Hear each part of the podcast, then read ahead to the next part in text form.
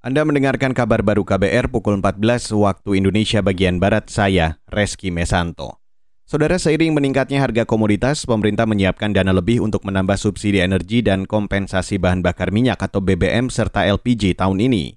Menteri Keuangan Sri Mulyani Indrawati mengatakan dukungan anggaran untuk subsidi dan kompensasi ini diharapkan bisa melindungi masyarakat dari peningkatan harga yang signifikan tambahan anggaran untuk memberikan tadi subsidi dan kompensasi. Karena pilihannya hanya dua. Kalau ini nggak dinaikkan, ya harga BBM dan listrik naik.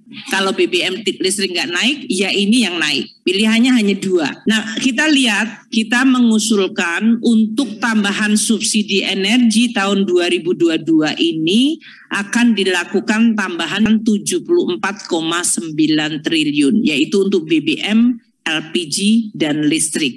Sri Mulyani merinci sebanyak 71 triliun anggaran akan digunakan untuk subsidi bahan bakar, sedangkan 3 triliun sisanya untuk subsidi LPG. Adapun total alokasi subsidi dan kompensasi yang disiapkan tahun ini sebesar 324 triliun. Alokasi tersebut bersumber dari APBN 2022 sebesar 275 triliun dan APBN 2023 sebanyak 49 triliun. Beralih ke berita selanjutnya, Saudara. Dewan Adat Papua meminta pemerintah membuat regulasi untuk membatasi arus migrasi ke Papua. Pesatnya arus migrasi ke bumi Cendrawasih dari waktu ke waktu dikhawatirkan memarjinalkan warga asli Papua. Sekretaris Jenderal Dewan Adat Papua, Leonard Imbiri, mengatakan, pembatasan migrasi perlu dilakukan untuk memastikan orang asli Papua tetap mendapatkan hak-haknya, khususnya terkait tanah adat.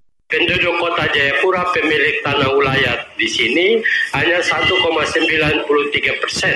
Karena itu migrasi harus dikendalikan untuk memastikan bahwa masyarakat adat Papua memiliki kehidupan yang layak menikmati pembangunan di atas tanah ini. Itu yang kita bilang dengan diskriminasi positif. Itulah tujuan Otsus untuk meyakinkan bahwa orang asli Papua yang disebut dalam otonomi khusus itu mendapat tempat Menurut Leonard, perubahan komposisi pendudukan di Papua dari waktu ke waktu telah berdampak ke berbagai aspek terutama sosial, ekonomi, dan politik. Maka dari itu, jika migrasi tidak dikendalikan, hak hidup, hak politik, hak ekonomi, dan hak sosial masyarakat adat Papua terancam. Berdasarkan data Dinas Kependudukan setempat hingga Januari 2022 lalu, jumlah penduduk kota Jayapura mencapai 362 ribu lebih jiwa, meningkat 15 ribu jiwa dibanding tahun sebelumnya.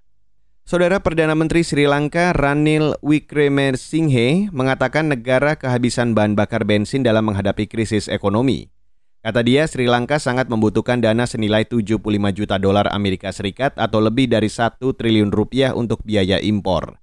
Dilansir dari BBC, Ranil mengatakan saat ini bahan bakar yang tersisa hanya cukup untuk beberapa hari ke depan, sementara pengiriman BBM dari India menggunakan jalur kredit baru terpasok minggu depan. Perekonomian negara kepulauan telah terpukul keras oleh pandemi, kenaikan harga energi dan pemotongan pajak populis.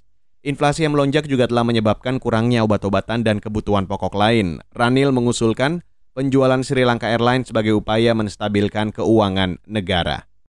Dan saudara, demikian kabar baru saya Reski Mesanto.